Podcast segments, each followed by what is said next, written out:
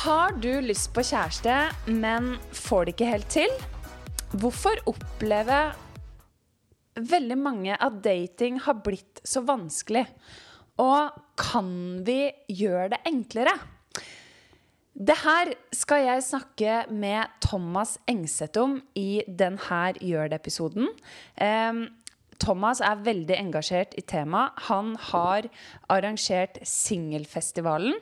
Han har tror jeg, noen spennende planer innenfor eh, datingverden.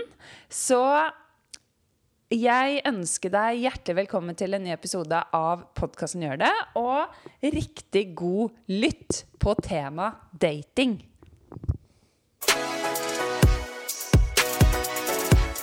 Hjertelig velkommen til podkasten min, Thomas. Uhu! Da så må jeg si tusen takk for at jeg får lov å komme hit på, be, på vaffelbesøk i, i dag. Tirsdag halv ti. Nydelig. Jeg hadde bare ett krav, og det var at du kom på rulleski. Ja, Det gjorde du. det gjorde jeg. Og utstyret er i god behold. ja, veldig bra. Kom inn med er mikrofoner og alt. Ja. Så det er veldig bra. Um, I dag skal vi snakke om et uh, kult tema. Et kult gjør det-tema. Vi skal snakke om dating. Mm. Det har jeg skjønt at du kunne snakka om i mange timer. Ja, det er helt riktig. Og kommer nok til å snakke om i flere timer, så vi får bare skru av på et eller annet tidspunkt. Ja, det tror jeg blir bra. Ja. Og så, ehm, men først så må jeg og vi som lytter, bli litt kjent med deg. Uh, du heter Thomas Engseth. Uh, jeg vil at du skal starte med å beskrive deg sjøl med tre ord. Oi. em, de tre ordene jeg jobber mot å være, er jo liksom eh, nysgjerrig, takknemlig og raus. Så det er liksom den veien jeg vil, i hvert fall. Så får man håpe at noen kan beskrive meg som noe à la det, eller i den retningen. Det er jo målet, i hvert fall. Men eh, utadvendt, eh, gira og ofte veldig motivert på de tinga jeg har valgt meg ut, det tror jeg stemmer bra. Ja. Nysgjerrig, takknemlig og raus som de tre første. Det er det jeg jobber mot, ja. Ja. Ehm, hva er det du driver med til daglig? Du, Det er alltid litt vanskelig å svare på, for det er mange forskjellige ting. Eh, for jeg er frilanser, så jeg jobber som TV-regissør. Det er liksom hovedyrket. Eh, lager TV-programmer. Finner på og skriver og filmer og klipper og holder på. Og så lager jeg liksom digitalt innhold for alt mulig rart til folk, og så holder jeg mye foredrag. Og så er jeg programleder på et eh, familieprogram som heter Alle mot én på NRK. Så det er mye forskjellig, rett og slett. Ja, mange har helt sikkert sett deg på TV og i sosiale medier og ja. Det kan hende. Jeg tar plass. Ja, det er bra og viktig. Kule folk skal ta plass. Um, og sånn ellers på fritida. Nå sitter vi jo i et hus. Ja, shit, tenk deg det, da. Ja. Jeg har nettopp flytta fra en liten liten leilighet med to unger og et halvt barnerom til et eh, hus med litt hage og plass til alle. Så det er veldig, veldig deilig. Absolutt. Nei, på fritida, ja, det går jo til å passe på disse små eh, kidsa, da. Og så prøver jeg å få gått litt på rulleski, sånn som du gjør. Jeg er ikke like flink til å komme ut som det du er, eh, riktignok. Jeg syns også jeg har sett en stakemaskin på Instagram i stua di. Stemmer det? Det stemmer. Den er ikke så god å skjule, for jeg, ikke, jeg bor ikke i et hus. Det er så bra, ass. Jeg elsker det. Det er deg, eh, Birgit Skarstein og Emil Gukild. Dere har liksom det i stua. Har Emil Gukild det òg? Det stemmer. Og det er nydelig. Ja, ja. ja. Så dere har mye å prate om. Ja. Jeg skal si at den har jeg ikke kjøpt sjøl. Den, den fikk jeg for noen år siden. Ja. Unnskyldninger, Ja. unnskyldninger. Det er i hvert fall digg å ha, da. Mm. Det er jo det, da. Ja. Svein Østvik, eh, Chartersvein, han har faktisk eh, massevis av vekter bare liggende utover kjøkkenet. Så når han lager mat, så sier han at jeg kan ikke gå forbi vekten uten å løfte litt bare. Og det er en mann som er i form, altså. Hvis du ber han om å ta, av seg skjorta, da blir du imponert. Oi, Så det er det, som, det er det det handler om. Bare la vektene og maskinene stå i veien, sånn at du må gå på dem innimellom. Ja, ja, det kan jo funke for noen. For andre ville nok bare bli drittlei av å se dem. Men her er vi forskjellige. Det er vi. nydelig. Nei, så du er småbarnsfar. Det er en liten en her nå som eh, ligger og sove. Ja, dette kan gå alle veier, men jeg Ja. tror nok at hun skal sove en liten stund til. Ja. Vi skal i hvert fall prate om dating. Og um, hva er ditt forhold til dating? Du, mitt forhold til dating er jo, eh, i motsetning til de aller, aller fleste, eh, veldig bra. Jeg syns, eh, For meg da jeg var singel, så syns jeg at dating var veldig veldig ålreit. Jeg trivdes veldig godt med det. Jeg, eh, som man jo sikkert raskt forstår, eh, scorer jo høyt på ekstrovert.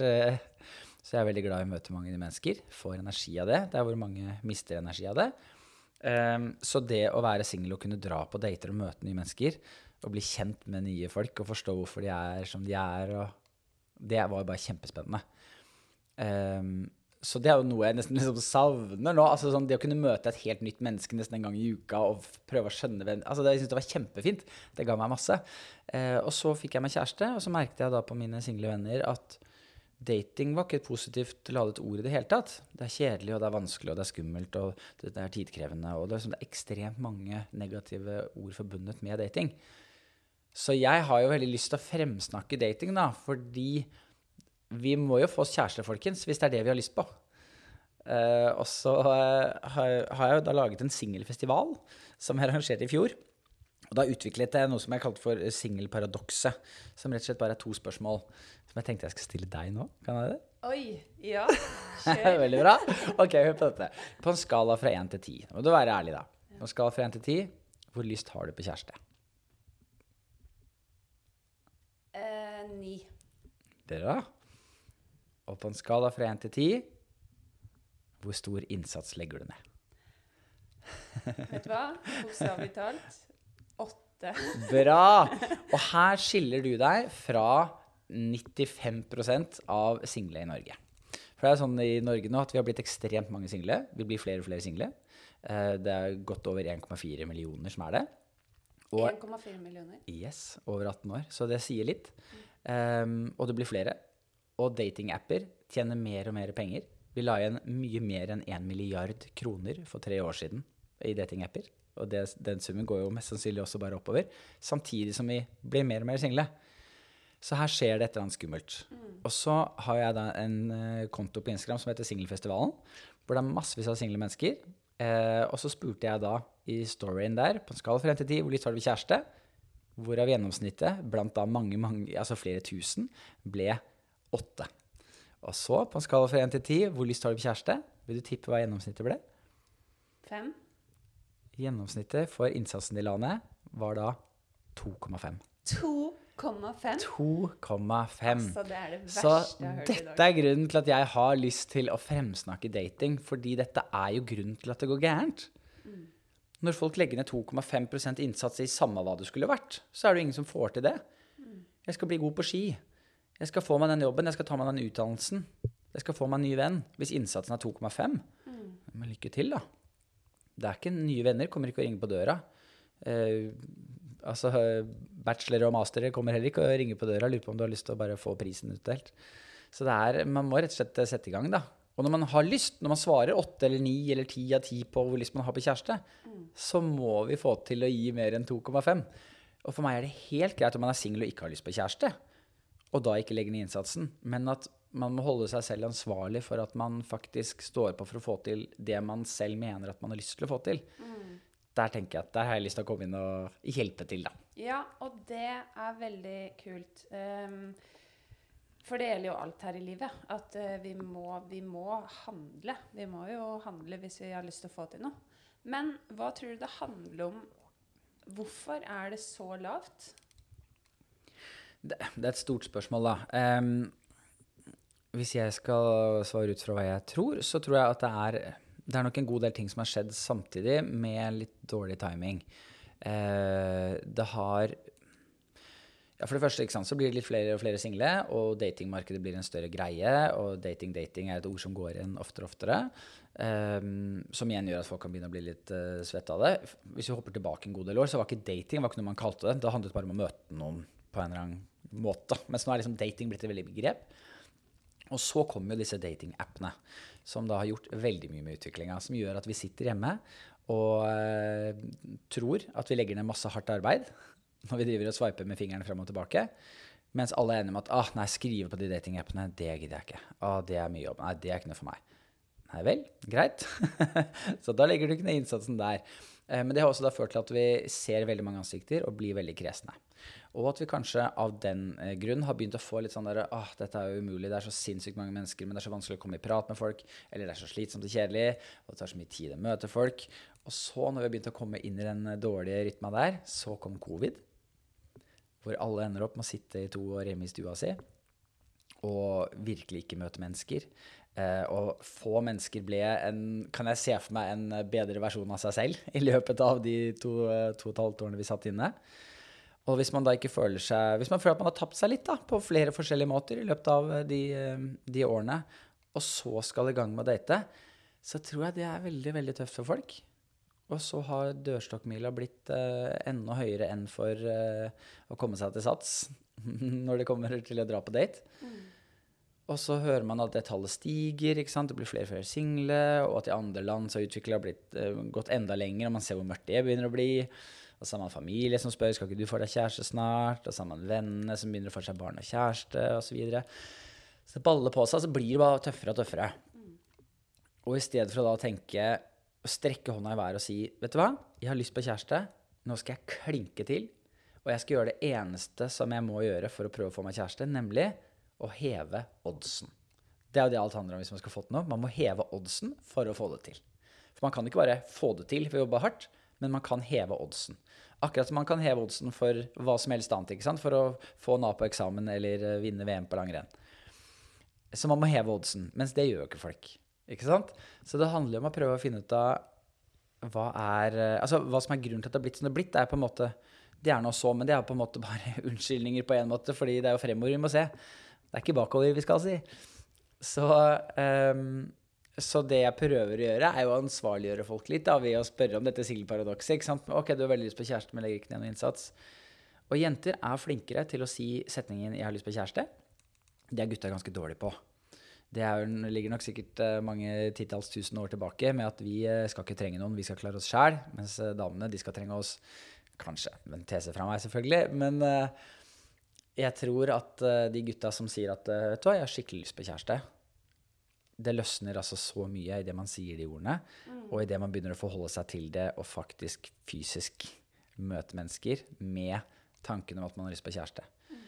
For jeg tror det er veldig mange gutter som tenker at ja, jeg gjør det jeg kan for å få meg kjæreste. Jeg kan uh, møte mennesker, jeg, men, men, utstråler det egentlig at de har lyst på kjæreste? For det er bare så enkelt som at hvis man klemmer noen som man syns var litt spennende, som man har prata litt med Man kan klemme dem på en vennskapelig måte, eller man kan klemme dem et kvart sekund lenger, som kanskje gir en eller annen litt annen følelse. Og hvis man bare bruker den klemmen som et slags symbol, ikke sant, om å bare gi bitte litt til, så kan man også gjøre det i samtaler, i den meldingen man sendte, i måten man prater til venninna hennes om deg, osv., osv. Så, videre. så det å rett og slett lene seg fremover og si 'jeg har lyst på kjæreste', når det faktisk stemmer, det tror jeg må til hvis man skal få det til. Det er jeg helt enig i. Og når du snakker nå, så hører jeg at jeg viker ganske greit ut fra det du snakker om. Jeg tenker, Det er ikke rart det er umulig å, å finne seg noe. Det er jo selvfølgelig veldig sammensatt, det òg, da. Men um, uh, det, er, det, er, ikke lett, altså. Um, men hva Men jeg deler samme tanke som deg i forhold til det at det, er kult å møte folk. Og eh, datingapper er en fin arena å møte folk på. Men det er veldig Kan bli tungt da hvis det er eh, altfor mange som bare skal møte folk. Og det er et bruk-og-kast-samfunn som er blitt helt eh, tragisk. Mm. Og tanken om at eh, det vil alltid være noe bedre, da. Så du må ha med deg huet, for å si det sånn, på den uh, Absolutt. arena nå. Men, men, hva tenker vi at det budskapet skal være her nå? I forhold til Nå har du allerede sagt veldig mye interessant. um, du må ikke be meg sette i gang om dating, for da, da går skravla. Det her er kjempe det er, det er jo et viktig tema, da. Herlighet når du sier at 1,4 millioner er single. Og det er liksom Ja, det, det, er mange. Og når man ser på hva som skjer med samfunn hvor det går, har gått enda lenger, så begynner det å skje mange skumle ting, da. Ja. Og hvis man spør eh, Folkehelseinstituttet om hvordan det går med de eldre single, som virkelig ikke har stått på og fått seg kjæreste, så er det en del liksom, ja, statistikk som ikke er så kul. da. Mm. Så folk må lene seg fram og tenke dette er viktig for meg. Hva er det egentlig som er viktigere i livet enn å finne seg et menneske man skal dele livet med? Det er ikke så veldig mange ting, altså. Så man må bare virkelig gjerne. Og når jeg møter folk som deg, som sier at du ligger på ni på en skala fra én til ti på hvor lyst man har på kjæreste, og at du ligger på hva du sa, åtte på innsats Ja, og grunnen da, til at jeg ikke sier ti, det er rett og slett fordi at eh, jeg har vært singel og jobba så mye med meg sjøl i de siste seks årene at eh, jeg har det så bra aleine, og jeg trives så godt i eget selskap at bare jeg skal ikke være sammen med noen for enhver pris, og jeg kommer ikke til å ta inn noe i livet mitt som ikke vil berike det. da. Og det er veldig godt å ha kommet til det punktet. Sånn at det, hvis jeg det, det, det skal være bra, da. Men da må man jo møte den som er villig til å investere i det samme. Mm. Så hvis jeg ikke hadde turt å vært aleine og dratt på ferie aleine sånn, kanskje det hadde vært en tier, men mm. Men du har en veldig stor fordel, ikke sant? fordi du, du er på et godt sted. Du har det fint med deg selv, du har et liv som du er glad i. Um, utfordringen for veldig mange andre er jo at de kanskje ikke er helt på et godt sted. Og det å skulle møte andre mennesker og presentere seg selv når man ikke er helt på et godt sted, det er veldig vanskelig. Det er kjempetøft.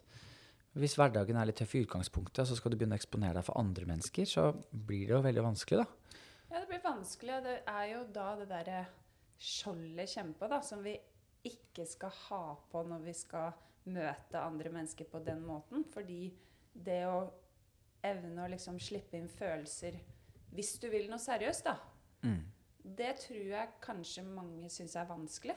Jeg vet ikke hva du tenker om det. Ja, jeg blir jo veldig nysgjerrig på å spørre deg hva syns du er vanskeligst med å være singel og drive og date? Det kom et helikopter her. Jeg bor jo da i nærheten av Ja. eh, Ullevål sykehus, skal vite. Ja, men da får vi litt lyder. Wow. Her var det noen som hadde dårlig tid. Uff, tenk deg når det er noen som har det veldig vondt et eller annet sted. Ja. Mens vi sitter her og spiser vafler og drikker kaffe og koser oss. Ja. Nå er vi heldige. Håper ikke en ligger i, i flyet og tenker på alle Tinder-datene han ikke Nei, ikke sant? Em, spørsmålet ditt hva jeg syns er det vanskeligste? Mm. Mm, ja, basert på min personlige historie, da, som vi ikke skal snakke om i dag, så er det det med at det er vanskelig og har vært vanskelig å slippe inn de som vil meg noe godt. Mm. Altså de som faktisk vil investere. Mm.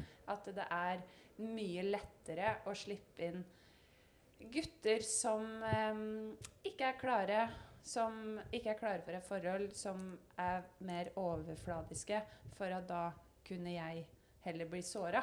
Mm. Eh, men nå har jo jeg lært meg Ja, vi snakka om det i stad, det å eh, gjøre en forventningsavklaring og faktisk em, eh, legge behov først, før følelser. Mm. Em, sånn at en allierer seg med de som em, vil det samme, da. Mm. Ja. Så svar på spørsmålet ditt faktisk det å føle. For, føle for riktige personer. Ja. Ja. Tror du at du har møtt noen personer som kunne vært riktige folk, som ikke har Ja. endt opp med å bli det? ja. Hva tror du har vært i veien der, da? Du må passe på å ikke invitere gjester til podkasten din som går så dypt inn på eh, programlederen her, vet du. Da får du kjørt det. Ja, det verste er at jeg vil jo snakke om det her, for jeg tror ikke det gjelder bare meg. Men det skal Absolutt ikke handle ikke. om meg, det her. Det Nei, men jeg tror det er litt viktig at det kan handle litt om deg Men det innimellom òg. det er fint. Det er fint, Thomas, at vi kan ha en god prat rundt det her. Og det er veldig kult å snakke med en som er engasjert i det. Mm. Em, hva var spørsmålet ditt? Hva har skjedd de gangene hvor du har tenkt at å, dette kan jo kanskje gå et eller annet sted, og så har det ikke det likevel? Det kan jo være tusen forskjellige ting. Um, med, med liksom de bra folkene, holdt jeg på å si, um, så er det at uh, um, Altså, det kan jo være mange Han veit jo ikke hva som ville skjedd, men at jeg trekker meg unna fordi jeg blir redd. Mm. Eh, mens de som em, Fordi det begynner å bli fint? Ja, At det liksom det er en trygghet som jeg har vært redd for, da. Basert på ting som har skjedd tidligere. Mm. Eh, men For du har fått litt, uh, jeg har fått litt, uh, Litt hatt det litt tøft før, rett og på slett. ulike områder. Ja. Eh, og så er det de som en kanskje blir tiltrekket av. Så sier hele magefølelsen meg at uh, det her er bare overfladisk. Hold deg unna. Eh, men så er det spennende, for personen er veldig god på å kommunisere. Jeg er opptatt av gode samtaler, eh, tilstedeværelse. sant? Det, det har de her. Eh, også når vi da ikke er sammen, så er det ikke noe kontakt. Mm. Eh, før det da blir borte.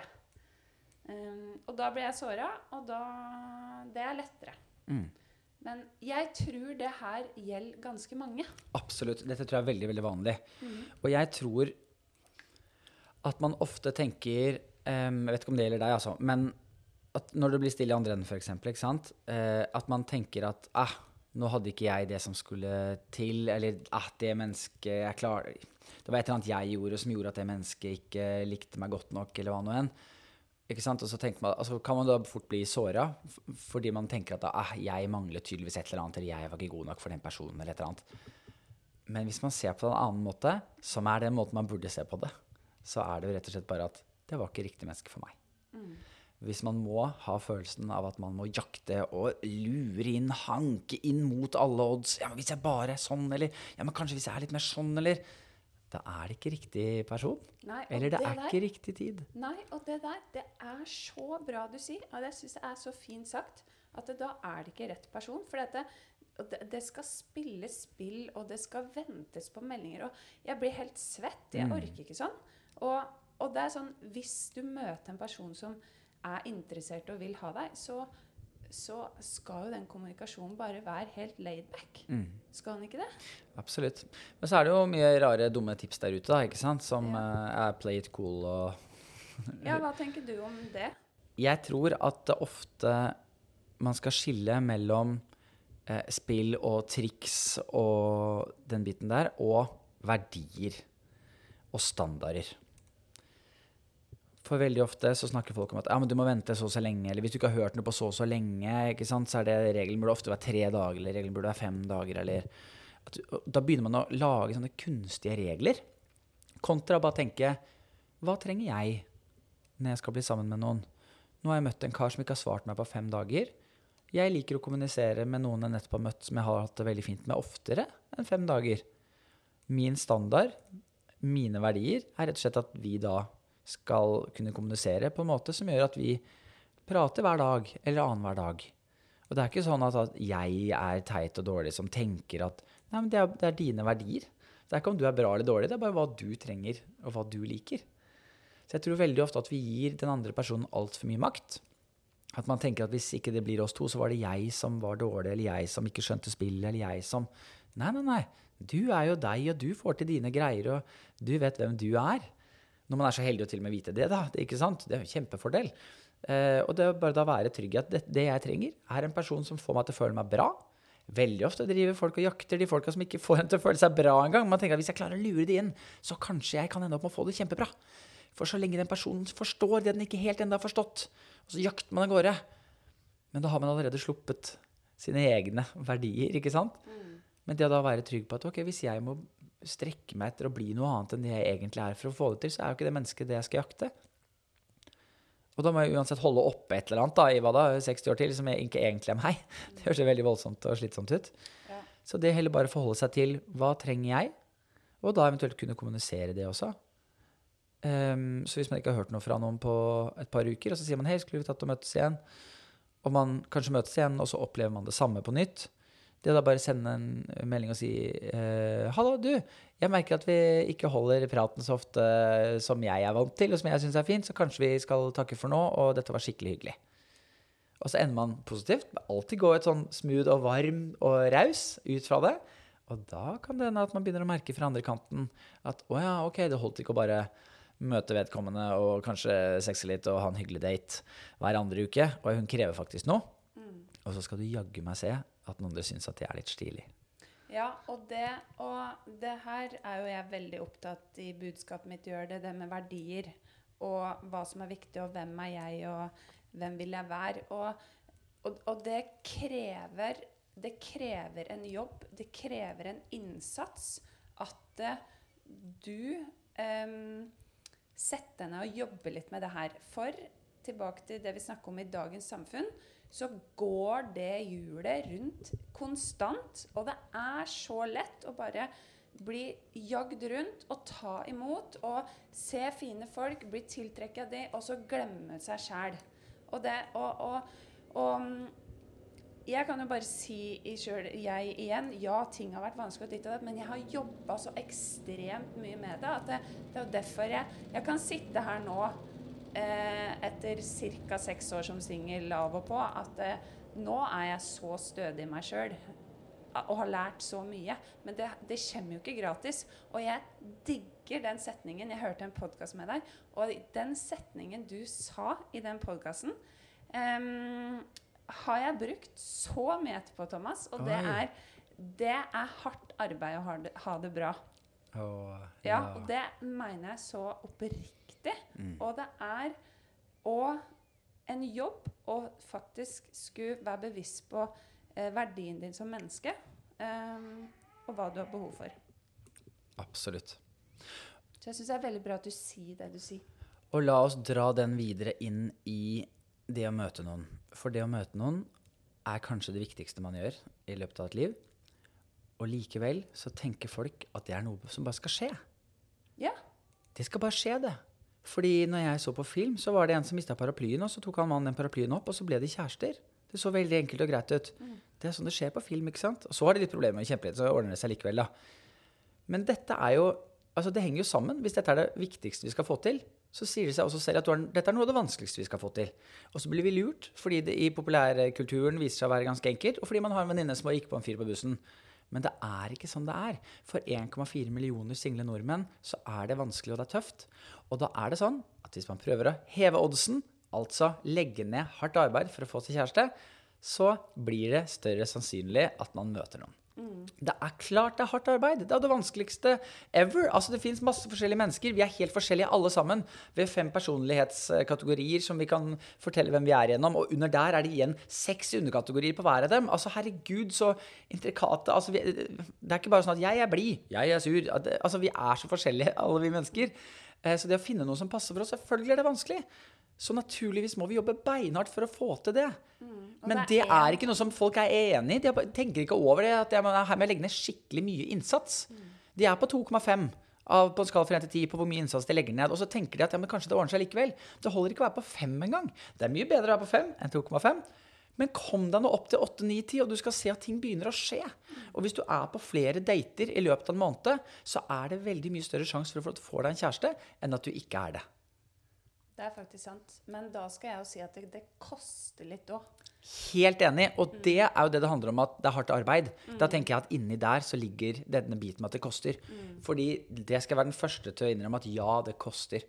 Men det man gjør når man drar på en date eller møter et nytt menneske, er jo at man åpner opp den lille glidelåsen på brystet sitt, og så tar man ut hjertet sitt. Mm. Og så legger man det liksom forsiktig ned på bordet, for det er jo ganske sårbart, det lille hjertet. ikke sant? Og så setter man seg overfor en person som sitter der med en fuckings hammer. Mm. Ja. Og så sier man hei. det er jo det som egentlig er en date, ikke sant? Ja, men, ikke for meg, men for mange er det det. For mange. Ja. Mm. Jo, men igjen, hvis du sitter her på den tredje daten, og du begynner å bli ordentlig glad i han fyren ja, ja.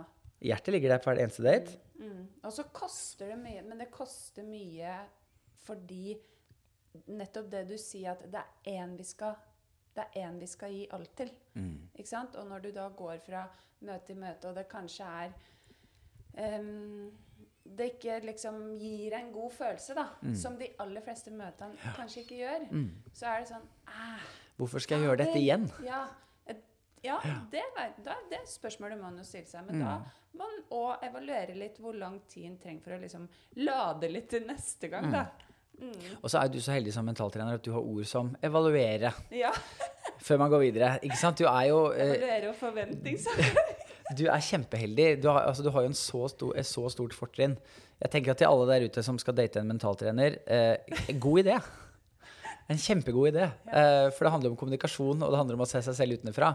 Eh, og det er noe alle burde bli bedre på. Og jeg tenker at det er noe vi alle trenger, så er det egentlig å møte en mentaltrener en gang i uka. Eller bli sammen da. ja. Så det var litt reklame til deg, da, til alle dere single karer som ja, hører på. Ja. Men jeg, skal jeg si at jeg kan jo legge fra meg jobb òg, så. ja da. Jeg, uh, du, nå syns jeg hørte at uh. Det syns jeg høres ut som en liten jente nede i uh, garasjen. Ja, da tar vi en liten pause, og så kommer vi tilbake. Det gjør vi. Ja, nå har vi fått inn en ny gjest i podkasten. Det er eh, lille gullet til Thomas. Eh, Solveig. Så hvis det er litt uh, lyd i bakgrunnen her, så er det bare koselige småbarnslyder. Så det får du som lytte tåle, tenker jeg. ja. Men vi skal tilbake til datingtemaet, Thomas. Ja. Ja. Og da snakker jo vi om det å møte folk som eh, Som eh, kanskje ikke er på rett sted som en sjøl. For det er jo på en måte to ting vi jakter når vi ser etter kjæreste. Vi ser etter riktig person, og så ser vi etter riktig person til riktig tid. For begge må jo være på riktig sted til riktig tid. For det holder ikke alltid å møte Å, dette er den perfekte personen, men personen har kjæreste. Eller å, dette er den riktige personen, men personen er ikke klar for kjæreste. Eller å, dette er riktig person, men jeg er ikke klar for kjæreste. Så det er en del ting som skal klaffe, som igjen gjør at det er vanskelig å få seg kjæreste. Som igjen betyr at vi må jobbe på for å få det. Det krever innsats. Og det som er rart, er at når vi mennesker har veldig lyst til å få til noe, så vet vi ganske instinktivt hva det er som kreves. Ok, jeg har lyst til å komme meg i form. Jeg har lagt meg for mye.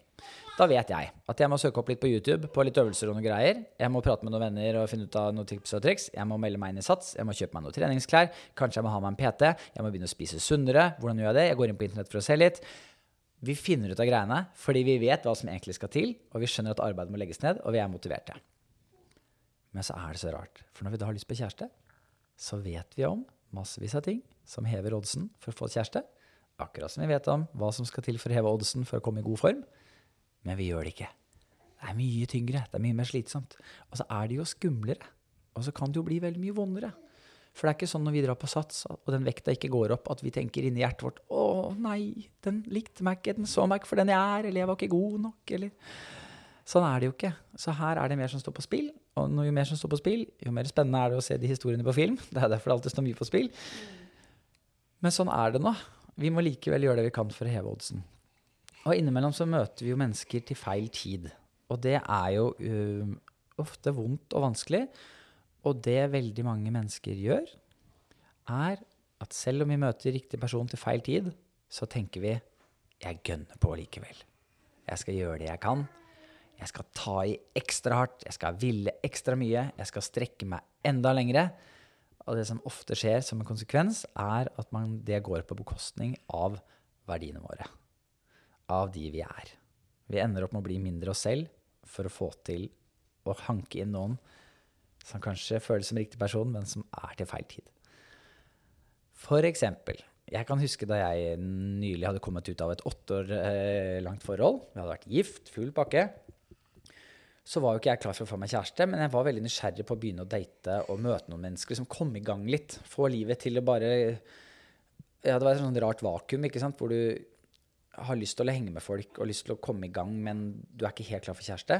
Så setningen ja, jeg tror jeg, Det er nok litt tidlig for meg, er nok ikke helt klart. Jeg, jeg har vært gift, skjønner du. Eller jeg har vært i et forhold i åtte år. Det var veldig deilig å kunne si. For da var det liksom ikke noe alvor over datinga i starten. Som gjorde at man følte at man hadde sånn frikort. Men det er ikke veldig flott for det mennesket man møter. Og det fant jeg jo heldigvis ut av etter hvert. Men det tok for lang tid. Og da ender man opp med å såre folk. Og så ender man opp med å bli eh, en person som man ikke føler at man kan stå for at man er. Ja, for hva gjorde det med deg hvis du møtte folk og liksom ikke var klar og skulle liksom rase fra deg, hvis det var det du skulle? Ja, jeg prøvde jo å være tydelig da, ikke sant? på jeg har nettopp kommet ut av et forhold, jeg har vært gift, jeg skal ikke ha med noen kjæreste. Men det som da skjer med de menneskene man møter som syns at du er litt stilig, og som du selv syns er stilig, er jo at de menneskene som du har fortalt at jeg gikk ut etter et forhold, de tenker å jo da, det er du. Dette skal jeg få til. Jeg skal vise deg, jeg, at du er klar for et forhold. Kjenner du deg igjen i den? Ja, ja, absolutt. Ja. Og det, altså, vi har jo lyst til å jakte. Vi har lyst til å få det til, ikke sant? Når vi ser et bra menneske, så ah, yes, let's go. Men det er en liten sånn superkraft de som sier jeg er ikke ute etter et forhold, får. Fordi da kan de bare de kan bare leke. Det er overskudd. De kan smile, de kan prate om litt vanskelige ting, litt utfordrende greier og litt lette ting. For de skal ikke inn i noe uansett, så de lover ikke noe som de må holde på et tidspunkt. De kan love masse greier og si hvem de er, og sånn, men de trenger ikke stå for det. Det kommer ikke noe regning seinere. Så det mennesket blir bare innmari stilig. Mens man selv må gjøre alt man kan for å prøve å lure det mennesket til at jo da, du er klar for et forhold, du bare forstår det ikke ennå, for jeg er kul. Og Jeg, enda mer interessert, kanskje, fordi at du kan ikke få det. ikke sant. Og så i tillegg så begynner man jo da å jakte på dette mennesket som sier at de ikke vil ha et forhold, og så begynner man å se bare de gode tingene. Man blir så eh, interessert i jakten, og i det sekundet man jakter, i stedet for å møte noen, men jakter noen, så ender man opp med å finne to, tre, fire kvaliteter som man jakter på, og så glemmer man alle de andre greiene. De tingene som kanskje gjør at de ikke er riktig person, eller de tingene som gjør at de ikke er så svart-hvitt, dette er helt riktig person, dette vet jeg. Så det blir en litt sånn løgnaktig, falsk sak ved at det er egentlig- i det du jakter, så skrur du på noen greier, hvor du jakter de fine, stilige tinga, og så ser du ikke etter det hele mennesket. Og, og, og det kjente jeg på en måte da veldig godt på når folk Ja, nei, da gikk ut veldig tydelig og sa at jeg er ikke ute etter et forhold. ikke sant? Og så visste jeg at dette kommer til å bli enklere for meg.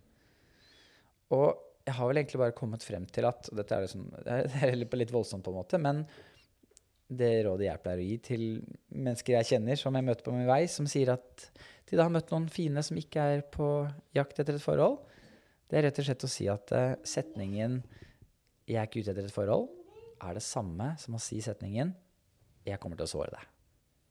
Jeg er ikke ute etter et forhold. Er det samme som å si 'jeg kommer til å såre deg'. Og så er det viktig å si at det er ikke 'jeg er slem, jeg kommer til å såre deg', men du kommer til å bli såret. Eh, Jeg kommer til å såre deg selv om jeg ikke vil, men jeg kommer nok til å såre deg. For jeg skal gi masse av meg selv fortsatt. Det er ikke sånn at når jeg sier jeg er ikke ute etter et forhold, så jeg kommer til å være ganske kjedelig og ikke spennende fremover. Jeg kommer fortsatt til å gi alt jeg kan for at du skal bli så sjarmert som overhodet mulig. Men det kommer til å ende ikke bra.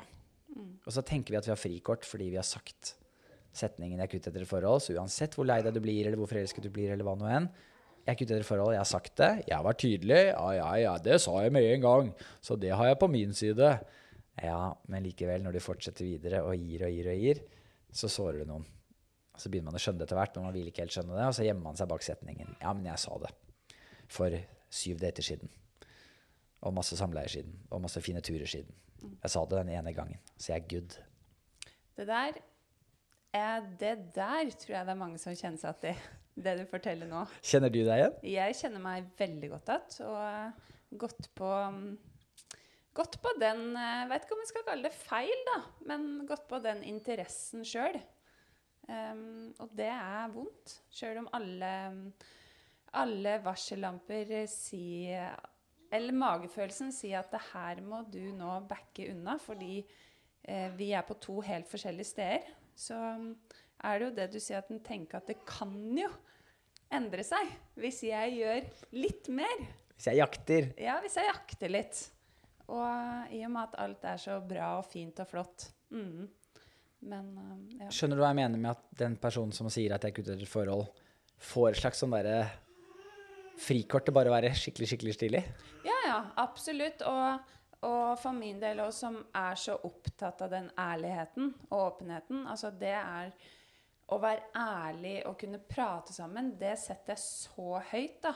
Så når jeg opplever en person som jeg liksom ikke har møtt så mange ganger, er så ærlig, da, og si det at jeg er ikke klar for et forhold, em, så blir jeg jo enda mer betatt. Det høres ut som en positiv ting at de sier det. Ja, det er så jo flott at du sier det! Ja. Ja, men da skal du få lov til å såre meg herfra til evigheten! Ja. For du er så ærlig og fin. Ja, og litt som, ja, litt som kanskje det jeg sa i stad, at det, det, det er det som har vært enklest. da. At inni meg så veit jeg at her er det jeg som kommer til å gå med halen mellom beina. Men det er mye bedre enn en, eh, det motsatte. Fordi nærhet og trygghet og omsorg er det skumleste. Men det jeg vil ha aller mest. Det er jo enormt komplekst, da. Men ehm, Eh, nå tror jeg for siste gang jeg har skjønt at det, sånn her skal det ikke være. Og det Her har vi en liten frøken som vil være med på praten. Ok, la oss oppsummere dette. Er du en som møter noen som sier 'jeg er ikke ute etter kjæreste', det betyr 'jeg kommer til å såre deg', ikke at de vil det, men at det kommer til å skje, Si i så fall, vet du hva, jeg syns du er en skikkelig fin jente, eller du er en skikkelig fin fyr. Du får si fra når du er eh, back on track og er ute etter noe seriøst, for jeg er en som er ute etter ordentlige greier. Gleder meg til å møte deg igjen. Ha det! Ja, Ikke det- prat med det igjen. Nei, veldig bra. Og det Lett å si, vanskelig å gjøre, bare så det er sagt. Ja, men det handler òg Det er mye lettere å gjøre hvis du har jobba med å huske på deg sjøl. Huske på hva som er viktig, huske på behovene dine. Ha det ned på fem av fire ark. Repeter, repeter, repeter. Og bare eh, På sikt så er det det som er det lureste. Absolutt. Men når, når du hadde gått ut av et åtte år langt ekteskap og liksom ville rase fra deg, var ikke klar litt, da. Eh, når var det du kjente, og hva var det som gjorde at du kjente at nå er jeg klar for å møte noen nye? Det er vanskelig å si hva det var som gjorde det sånn, men jeg kjente jo bare at eh, ja, sånn. Nå har jeg elska meg sjæl hardcore i eh, to år.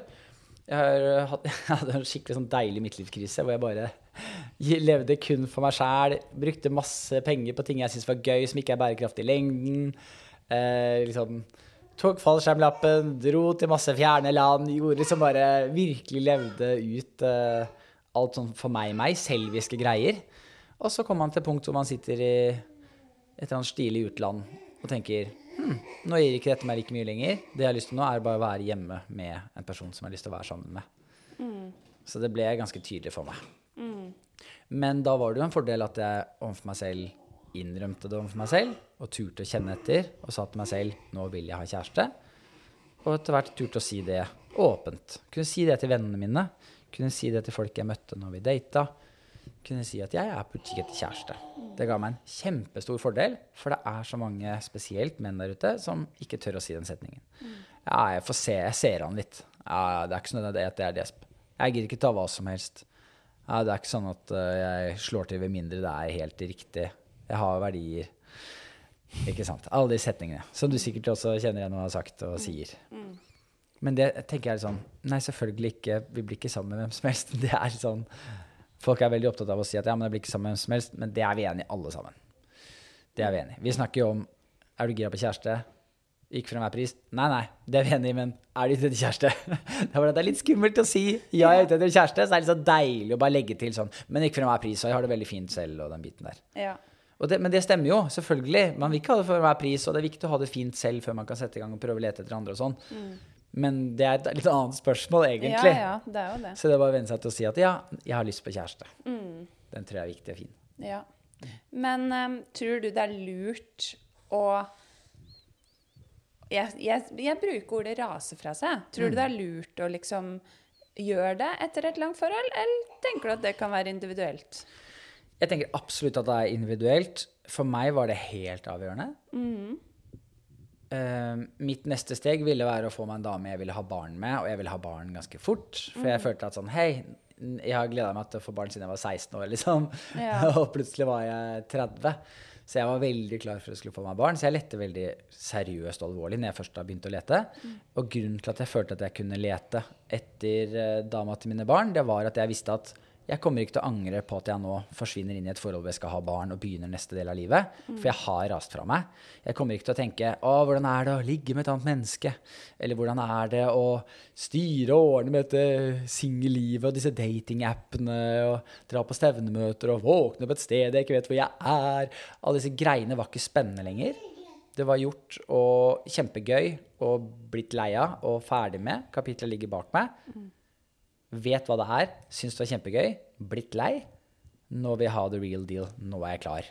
Og når jeg da møtte Hilde, som jeg er sammen med nå, så merket hun det. Både fordi jeg sa det, men også fordi hun merket at jeg var veldig tro og ærlig på den biten med at jeg vil nå lage familie. Det er jeg veldig klar for, fordi jeg har rast fra meg. Og så tulla jeg litt med Jeg var ganske tydelig på at jeg hadde rast fra meg. Og det gjorde henne bare veldig mye mer rolig. På at hei, han fyren her har roa seg.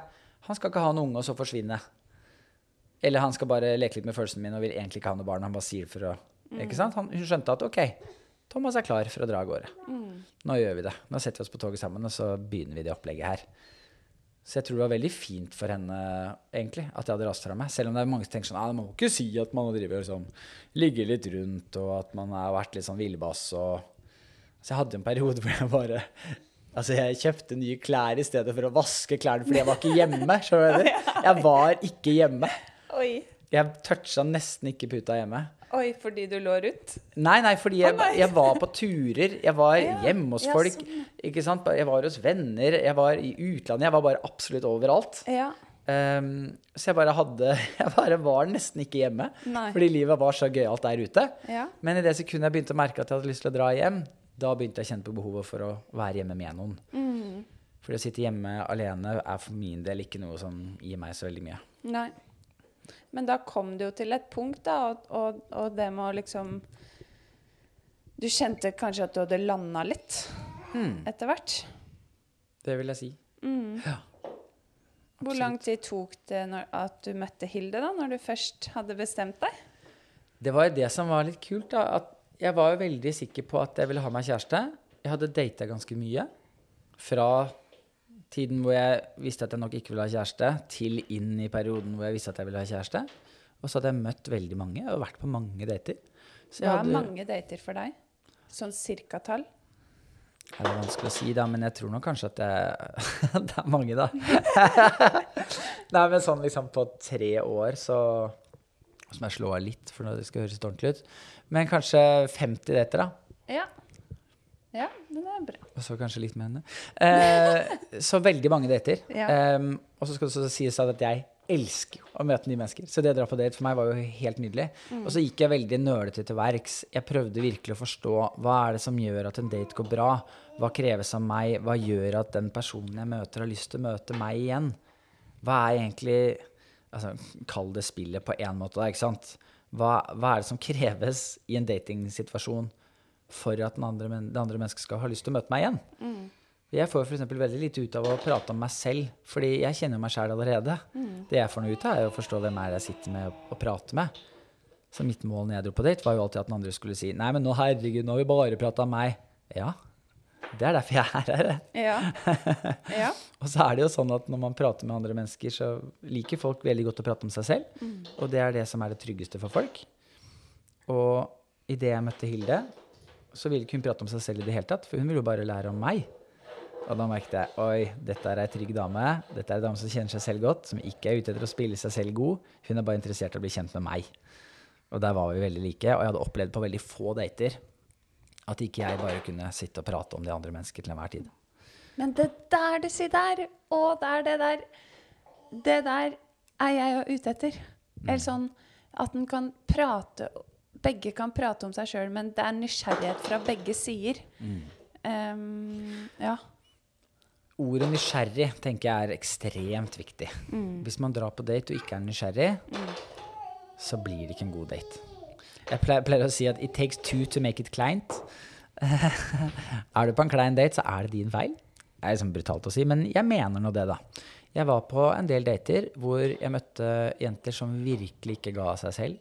Som ikke hadde noe spennende å komme med, som ikke bjuda det på i det hele tatt. Som ikke var nysgjerrig i meg i det hele tatt, som kanskje var nervøse hvor det kunne blitt et helt håpløst eh, stevnemøte, som endte opp med å bli veldig fin i pratet likevel. Og det kom ut av to ting. Det kom ut av at jeg data mye, hvilket vil si at jeg var varm og god i situasjonen. Jeg var current, som man kaller det på fallskjer- fallskjermspråket. At jeg hoppa mye i det siste, så derfor, hvis det skjer et eller annet ekkelt i lufta, så vet jeg hvordan jeg skal forholde meg til det. Det samme gjelder med dating. Hvis du ikke er på date, date noe særlig, og plutselig møter en person som er kjempespennende, og du møter på date, så har du jo kjempehøy puls. Hvordan var dette igjen? Hvilke spørsmål burde du stille? Jeg burde holde ut den stolen. Burde jeg si noe fint? Hvordan var dette igjen? Ah, kontra å ha vært på en del dater i det siste. Vite det, kjenne det. Altså, dette er jo mitt domene. Her er jeg god. Dette vet jeg. Jeg har erfart dette og dette i det siste. Så når jeg nå skal møte dette mennesket som jeg syns er veldig spennende, så kan jeg puste rolig. Jeg kan se vedkommende litt mer i øynene. Jeg kan spørre hvordan de har det. Jeg kan, ta opp, eh, jeg kan stille oppfølgingsspørsmål. Jeg kan se hvordan de svarer. Jeg kan være nysgjerrig. Jeg kan ha overskudd i en situasjon som kan føles som alt det motsatte. Så det var den ene. At jeg var current og hadde vært på mye dater i- utgangspunktet. Og at jeg var nysgjerrig. Og da jeg da merket at Hilde hadde de samme to tinga, så var jeg solgt. Ja. Og så visste jeg hva jeg var ute etter, da. Det er jo en tredje. Jeg var ute etter en uh, lekekompis. Det var det jeg ville ha. Mm. Jeg ville ha en lekekamerat. Ehm, tidligere kom jeg fra et forhold som hadde vært kjempefint. Altså, vi snakket så godt sammen. Ekstremt smart dame. Vi lekte ikke sammen. Vi stakk ikke ut og gjorde fysiske ting. Vi sov ikke ute i skogen sammen, for eksempel, som er en veldig viktig ting for meg. Eh, og så møter jeg jo da en dame som på date to Vi er oppe på Vettakollen. Eh, sitter der, og så begynner det å bli sent, og så skal vi til å gå ned, og så er det ganske bra vær. Så sier hun bare sånn Vi skal ikke bare sove ute, da? Og jeg bare Vi har ikke med noe å sove ute i. Nei, men det er varmt. Det blir jo ikke kaldt i natt. Da skjønte jeg bare OK, det er deg! Hvor mange damer i Norge hadde sagt vi kan bare sove ute, da? Ja. Det var så fint. Jeg satt og liksom bare så utover Oslo på toppen på Vettakollen der, og hun bare Skal vi bare sove ute, eller? Det, da tenkte jeg bare ja. Ikke at det skal være parameteret for folk, med at de skal møte folk som vil sove ute uten sovepose, men for meg i hvert fall, som er veldig glad i friluftsliv og den biten der, å møte ei dame som da sier sånne ting, uh, ja, da traff det ganske så bra. Ja, og det, hand det handler jo om hva som er viktig for deg, da. Hvilke behov du ser etter. Du visste det. Eh, du visste hva det var, og ehm, det er veldig fint. Og mm, når du da møter en sånn person og opplever det mm. Og jeg tror ja, vi begge er jo gode til å prate med folk og er nysgjerrige og, og det. Og mm, ehm, ja, og jeg pleier å si det at det, Ja, vi snakker om spill og ikke spill, men, men eh, dating, å møte en ny person, da mener jeg oppriktig at da må du i hvert fall kunne én ting, og det er å prate. Fint om du er nysgjerrig, fint om du vil bli kjent med den som skal prate, men nummer én, du må faktisk åpne kjeften. Og det er lov. Ja, men det, her, det er sånn det må være. Og det er lov å være nervøs og sånn, men da må du opp i ringa og øve deg på noe. Eh, hvis ikke må du Eller du må øve deg nok til at det ikke blir så skummelt. Eh, hvis ikke må du øve deg på noen spørsmål eller et eller annet. For at det Det høres ut som noen har vært på en date her med noen som satt veldig stille. Jeg føler jeg, opp, jeg, føler jeg har opplevd ganske mye, da. Men, Ja. men um, mm. ja, det må i hvert fall være et gjør det-råd. Tør å prate når du velger å dra på date. Og den, og den går jo også inn i denne biten med liksom Du må heve oddsen din for å Ja. få deg kjæreste. Det Ja. er det som må til. Man må heve oddsen. Jeg sier det til det kjedsommelige. Heve oddsen din. Og hvis du vet at du sliter med å prate på date, da må du heve oddsen din ved å trene på det. Ja. Om det er å møte kompiser, om det er å prate med mor, om det er å være på fest og prate med venninner, om det er å se videoer på YouTube om hvordan holder man en god samtale, om det er å lese bøker på ø, feltet, hva nå enn. Sett i gang. Du må trene for å bli bedre. Ja. Um, greit. Hvis, nå skal vi snart runde av, Thomas. Fordi det må vi. Hvis ikke så kan vi Dette kan vi prate om lenge. Det var én ting Ja. jeg tenkte på, sorry for at jeg gjør det lenger, men Nei, som vi snakket bra. om tidligere, dette med datingapper. Ja. Vi snakket om at det har gjort det så tøft og bla, bla, bla. ikke sant? Eh, og at alle syns at datingapper er så dritt. Greit nok. Men når du først bruker masse tid på disse datingappene som du syns er så teite, som folk sier Hvis du først skal være der, bruk nå tiden godt der, da. Ikke sant? Det er det samme som å sitte og scrolle på Instagram uten mål og mening. Da bruker man opp tida si. Hvis du sitter og bare sveiper på, eh, på Tinder, men ikke prater med noen, da bruker du opp tida di. Så når du først er på Tinder eller Happen eller Grinder eller hva som er din greie, så bruk nå tida di godt der. Og jeg vil si at hvis du ikke prøver å stå ut fra de andre i innboksen, så legger du ikke ned ordentlig innsats. Alle spør åssen går det, hva skjer da? Du gir ingenting til det mennesket du prater med. Prøv å holde en samtale som ikke minner om de andre i innboksen. Bjud deg på deg sjæl. Hev oddsen for å få deg kjæreste. ja. Og tør å spørre om å møtes. Ikke sant? Og ja. Eh, nå har jeg blitt kasta ut av Tinder på livstid. så jeg, da, enten eh, Hvis noen er interesserte, så må enten noen ta kontakt med meg direkte fra den podkasten her. Men min, jeg skal, tror jeg skal begynne å teste ut finn.no. Veldig bra. Teste ut om det kan gi noe slager. Du hadde jo et sånt triks på det når du hadde blitt eh, gått ut av forhold og skulle selge møbler. Ja, ja, ja. etter at jeg ble skilt, ja, så tok jeg bilde av de møblene jeg skulle selge med bilde av ekskona på, og skrev sånn Ja, sofa til salgs, ekskone følger med. Ja. Det ble veldig mye mer eh, ståhei rundt de annonsene. ja. Nei da. Nei, men jeg tenker apper er fint. eh, ha et bevisst valg rundt åssen du bruker dem, og hev oddsen hvis du ønsker å faktisk få deg kjæreste og møte noen. Eh, 2,5, hallo. Vi må opp. Vi må opp. Jeg kan ikke være, føle meg aleine i det øverste Ja, sjiktet men du er her. ganske alene, dessverre, skjønner du. Ja. Ja. Um, Og så er jo datingapper bare Det er nok et sted å møte noen. Det er ikke en egen spesiell greie. Sånn, «Ah, jeg vil ikke møte kjæresten min på, date, på Tinder. Det er jo samme hvor du møter mennesket ditt, så lenge du møter mennesket. Mm. I det sekundet man er for god for å møtes på en datingapp, så tenker jeg at ok, da gjør du det vanskelig for deg selv. Da hever du ikke oddsen. Det blir vanskeligere for deg. mm, det er en kjempefin plattform å møte folk på. Pluss at det er jo ikke som om du har møtt dem på Tinder. Du har snakket med noen på Tinder, og så skal du jo møte dem. Du har ikke møtt dem når de driver og skravla litt. Du har tatt en liten sånn den første praten om du møtte noen i baren. Ikke sant? Så da har du to-tre setninger, og så, ok, vi prates, og så stikker man på date. Og det er jo da det begynner. Det er samme hvor man begynte den første kontakten. Om det er på bussen, på jobben, på en fest, eller om det er på Tinder. Det er helt samme. Ikke bry deg om det. Ikke ødelegg sjansene dine for, for å få det en date. Samme hvor dere møttes, møt noen. Ja. Hev oddsen. Og så vil jo jeg bare si det at det er hyggelig Apropos dagens samfunn, hvis vi tar blikket litt opp noen ganger når vi går ute eller sitter på bussen eller et eller annet og, Fordi det er mye titting nedi i mobilen. Hvis vi husker å se litt rundt oss og kanskje tørre å eh, prate litt sammen med folk vi ikke kjenner. I Norge så er vi ganske trauste når det kommer til det der. Det er ikke langt uh, ut av landet du skal for at det er, kulturen er en helt annen, da. Så, men det får bli et annet tema der. Og det er så mye vi kan prate om. Ja. Hele biten bare med dette med å se på mennesker som om du faktisk er litt interessert, hvis du er litt interessert. Mm, Send det ekstra blikket, og så enda et ekstra blikk. For det du prøver å få til, er jo at det andre mennesker faktisk skal komme bort til deg og si halla. Da krever det faktisk mer enn et lite blikk. Nei, resten får de skjønne selv. Ja, Men hvis du er ute etter at de faktisk skal komme bort til deg, da må du legge ned litt innsats, du også. Ja. For det er mye skumlere å komme bort og si hei enn det er å sende et par blikk. Ja. Så send fire-fem blikk, da. Si veldig tydelig at her er det en åpen invitasjon. For det å gjette seg til ting, det er vanskelig for folk. Vi trenger å få det invitert seg. Korrekt. Men eh, vi får ikke presisert nok hvor viktig det er å se verdien sin som menneske. Vite hva behovene dine er, vite hva du er ute etter. Hva er det viktig for deg? Hvordan kan du som menneske etterleve det for deg sjøl? Og hva må du ha av noen som skal inn i livet ditt? Som du skal investere tid i. Og så er det bare én person som vi skal liksom helst da, matche fullt med. Og da er det mange du ikke skal matche med, da.